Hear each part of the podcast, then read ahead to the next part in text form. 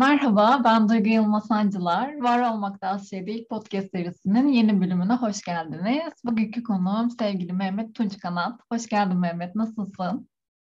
Merhaba Duygu, teşekkürler. Hoş bulduk, gayet iyiyim. Sen nasılsın? Ben de iyiyim. Seni ağırlayabildiğim için çok sevinçliyim. Hatta kayıtlarımızda ufak tefek sorunlar yaşayıp üçüncü kez bu kaydı alıyor olsak da bu sevinç duygusundan beni hiçbir şey alıkoyamıyor. Bugün bunu başaracağımıza inanıyorum ve umarım bu kez olacak. Evet, bu da böyle bir anımızdı diye anlatırız. Hazırsan sorularıma başlıyorum. Tamam, tabii ki.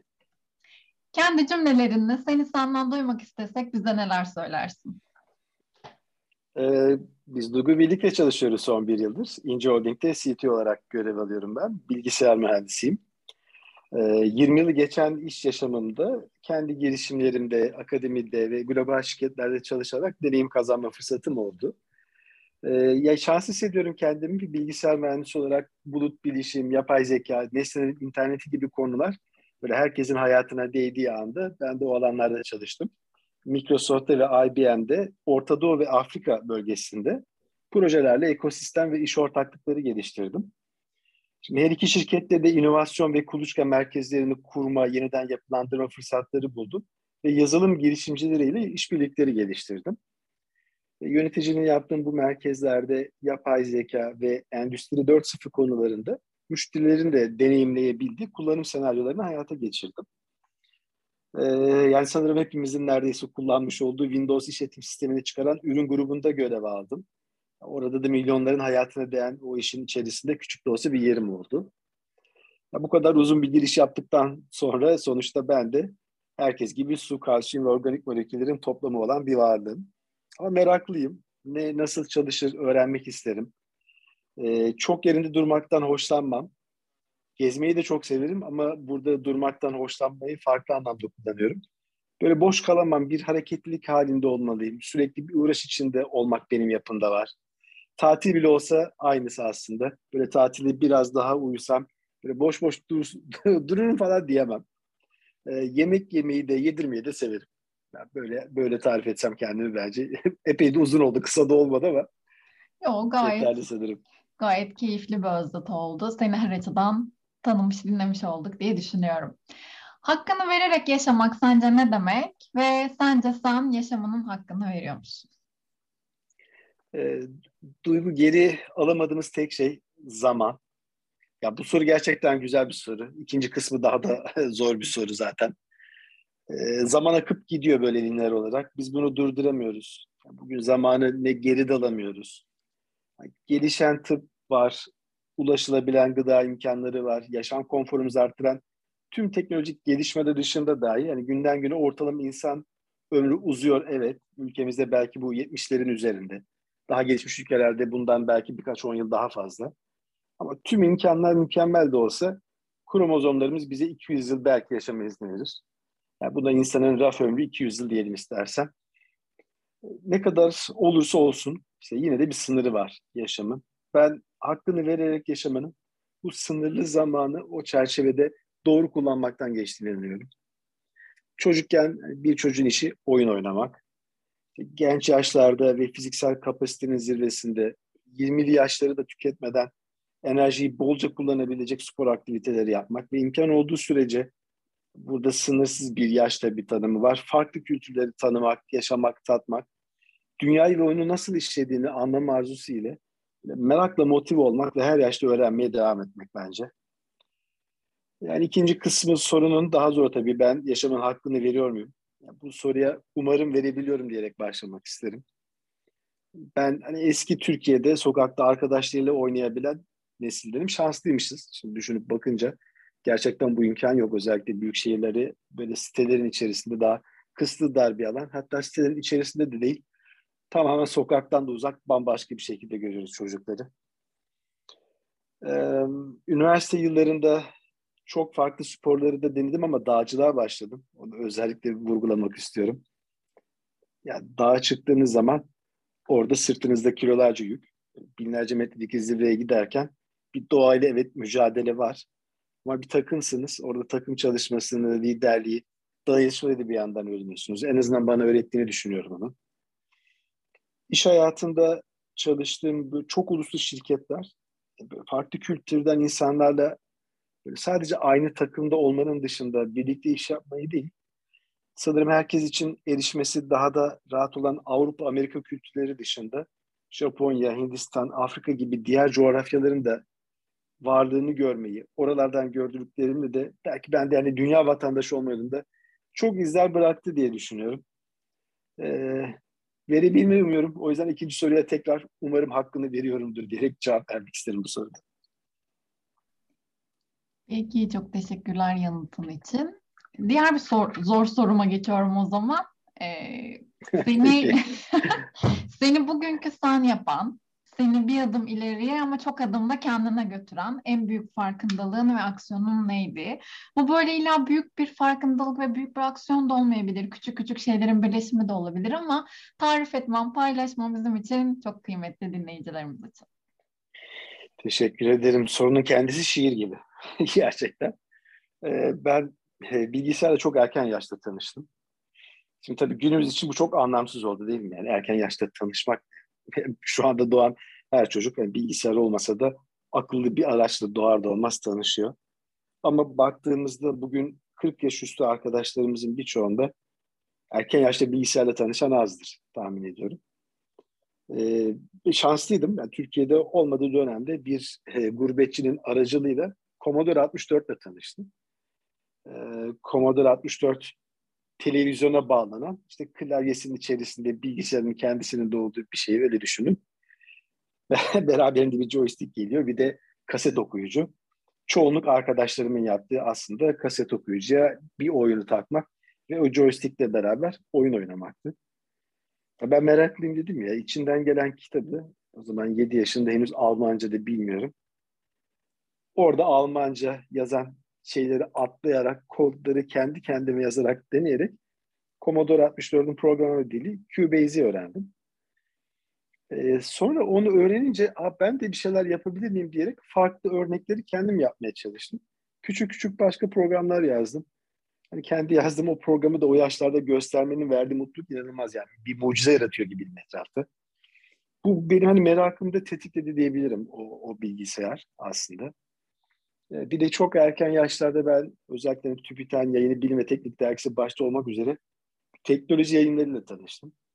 Benim bu teknolojiye bilim olan merakımı gün gün artarak gitti. Dolayısıyla ben çok erken bir yaşta ileride teknolojiyle ilgili bir yönümün olması gerektiğinin farkına vardım. Böyle özetleyebilirim aslında. Ee, bir ikinci nokta da ben e, esnaf çocuğuyum. Üniversite öncesi yaz aylarının çoğunu e, babamla birlikte geçirdim. Yani orada da tabii beni gelen müşteriler var, esnaf komşular var. Onlarla olan diyalog böyle hepsi bir güler yüz. Ve onun ötesinde karşıdakini anlam üzerine kurulu bir iş. Yani anlamıyorsanız zaten başarılı da olamıyorsunuz. Bir şeyler satamıyorsunuz. Ben bunu içselleştirdim tahmin ediyorum. Yani o zaman da insan ilişkilerinin öneminin farkına vardığını düşünüyorum. Yani bu ikisini ben örnek olarak verebilirim. Biri benim bu teknoloji tutkum. Biri de biraz da iyi olduğunu düşündüğüm insan ilişkileri. Bu ikisinin gelişmesini bu iki e, anlattığım başlıkta farkına vardım diyebilirim. Aksiyonun da birini işine dönüştürmen, diğerini de davranışlarında zaten bize yansıtıyor olman diye ben de özetleyebilirim o zaman. çok teşekkürler. ya işimi keyifle yapıyorum. Yani çok teşekkür ederim öyle düşündüğün için de. Ben her zaman için yaptığım işten çok büyük keyif aldım. Ya hiçbir keşkem yok biliyor musun iş hayatıyla ilgili. Keşke şunu yapsaydım diye. Hayır ben çalıştığım her anda o yaptığım işte bu teknoloji tutkusunu, teknolojiyi bir şekilde kullanarak keyif aldım. İkincisi de içselleştirmişim diye düşünüyorum. Sen de bunu teyit ettiğin için çok da mutlu oldum. Çok teşekkür ederim. Evet ki zaten bu empatiyi gerçekten dinleyebilmeyi, anlayabilmeyi, teknolojiyle birleştiğim birleştirildiğinde de bugünün ve yarının aslında olmazsa olmaz yetkinlikleri diye duyurulan ve her yerde okuduğumuz şeyler de karşımıza çıkıyor. ne güzel sen bunu evet. zaten çocuk yaşlardan itibaren edinerek şu an çünkü onları edinme programları üzerinde de çok fazla çalışıyoruz ya biz İK'cılar olarak. Bunu evet, edinerek evet. yol alıyor, almış olmak bile aslında çok büyük bir avantaj sağlıyor. Özellikle kurumsal dünyada. Pekala, diğer sorumuza geçiyorum. Bizi dinleyenler için kitap ya da film önerecek olsam bunlar neler olurdu? Neden? Buradaki neden sorusunu önemsiyorum çünkü sendeki etkisi ve o etkiyi aktarma konusunda e, böyle fark yaratan şeyler çıkabiliyor yanıtlarda. O yüzden nedenleriyle birlikte alabilirsem harika olur. tamam peki beklentileri büyüterek e, şimdi cevabı vermeye çalışayım. E, ben Kozmos'u öneririm. Bu Carl Sagan'ın müthiş eserlerinden biri. Hatta tüketmesi de daha kolay olabilir. Bununla da bağlantılı. Bu kitabı baz alarak güncellenen e, Neil deGrasse Tyson'ın da müthiş sunumu ile Cosmos A Space Odyssey belgeseli var. Bence aynı lezzeti yakalayabilirler izleyenler. Ee, ya Carl Sagan'ın bende ayrı bir yeri var Duygu. Ee, 1990 yılında e, Voyager 1 6.4 e, milyar kilometre öteden dünyanın fotoğrafını çekiyor. O fotoğraf çok ünlü bir fotoğraftır. Pale Blue Dot, soluk mavi nokta. Yani bizi dinleyenler eğer aratırlarsa YouTube'da 3 dakikalık kısa ama ufuk açan bir video bulacaklar. Ben ara ara izleyip kendime gelirim.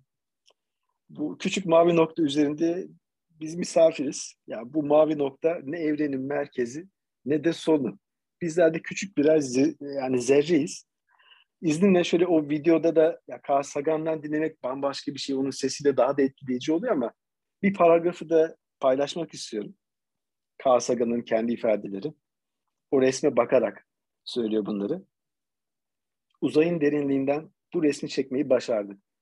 Eğer bu resme dikkatlice bakarsanız orada bir nokta göreceksiniz. O noktaya tekrar bakın. İşte o nokta burasıdır. Evimizdir. O nokta biziz.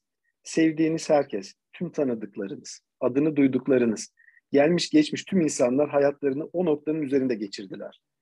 Türümüzün tarihindeki tüm sevinçlerimiz ve acılarımız, kendinden emin bin çeşit inancımız, ideolojimiz, ekonomik öğretimiz, her avcı ve her yağmacı, her kahraman ve her korkak, uygarlığımızın mimarları ve tahripçileri, her kral ve her köylü, birbirine aşık olan her genç çift, her anne ve her baba, umutları olan her çocuk, her mucit ve her kaşif, ahlak değerlerini öğreten her öğretmen, yozlaşmış her politikacı, her bir yıldız, her bir yüce önder, her aziz ve her günahkar işte orada yaşadı. Bir güneş ışınında asıl duran o toz zerreciğinde. Bu soluk ışık noktası bütün o kasılmalarımıza, kendi kendimize affettiğimiz öneme ve evrende öncelikli bir konuma sahip olduğumuz yolundaki yanlış inancımıza meydan okuyor. Ben tamamını okumayacağım, geçmeyeceğim ama üç buçuk dakikalık video okuduklarında ben çok seveceklerini düşünüyorum bize dinleyenlerin bu videoyu. Böyle insan kibrinin akıl dışılığını gösteren harika bir görüntüdür o fotoğraf. O fotoğrafın üzerinde de Carl Sagan'ın o üç dakikalık yorumu. Başka var mıdır eklemek istediğin? Ee, buna başka bir şey eklemeyeyim ben çünkü kitap gerçekten çok güzel.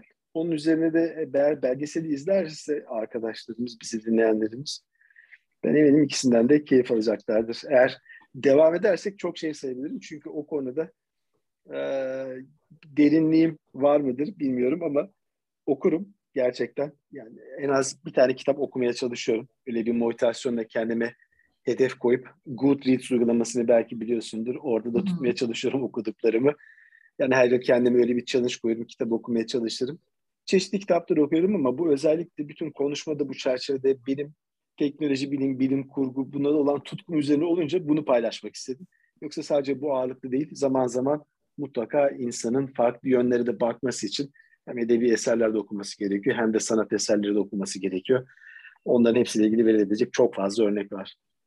Peki çok teşekkürler paylaşımın için. Ee, o zaman gelelim benim de merakla beklediğim soruya. Çünkü biz henüz seninle bu programın adını koymadık. Bütün konuklarımda olduğum gibi. Sana sormak istiyorum. Seninle yaptığımız bu bölümün adı ne olsun? Ee, Duygu sohbetimizde oldukça uzun bir yer aldı. Bu bölümün adı Soluk Mavi Nokta olsun. Tamam, soluk mavi nokta olsun. Harika. Peki, bundan sonraki bölümün adı ne olsun? Bu da aslında şu. Seninle bir oturum daha yapmış olsak bundan aylar sonra, yıllar sonra, belki de iki gün sonra bilmiyorum. Ee, onun adının ne olmasını istersin? Ya da hayatında nasıl bir sayfa ya da nasıl bir iz olmalı ki onun adını bir şekilde ölümsüzleştirmek istersin gibi de söyleyebilirim. Tamam. Süper açıklama için teşekkür ederim. İlk sorduğunda ben sanki benden sonra yapacağın kişiyle ilgili sorduğunu düşünmüştüm O zaman ben buna göre cevap veriyorum. Bundan sonraki yaptığımız bölümün adı da sıkıcı konular dışında her şey olsun. Peki. Eğlen sıkıcı konular dışındaki her şey eğlenceli konular mı? Bence de. Nasıl nasıl hangi sıfatla tamamlamak istiyorsak onlar ama yalnızca sıkıcı olmasın diyorsun. Kesinlikle. Peki geldiğin için çok teşekkür ederim Mehmet. İyi ki varsın ve hep var ol isterim. Ben çok teşekkür ederim Duygu beni misafir ettiğin için.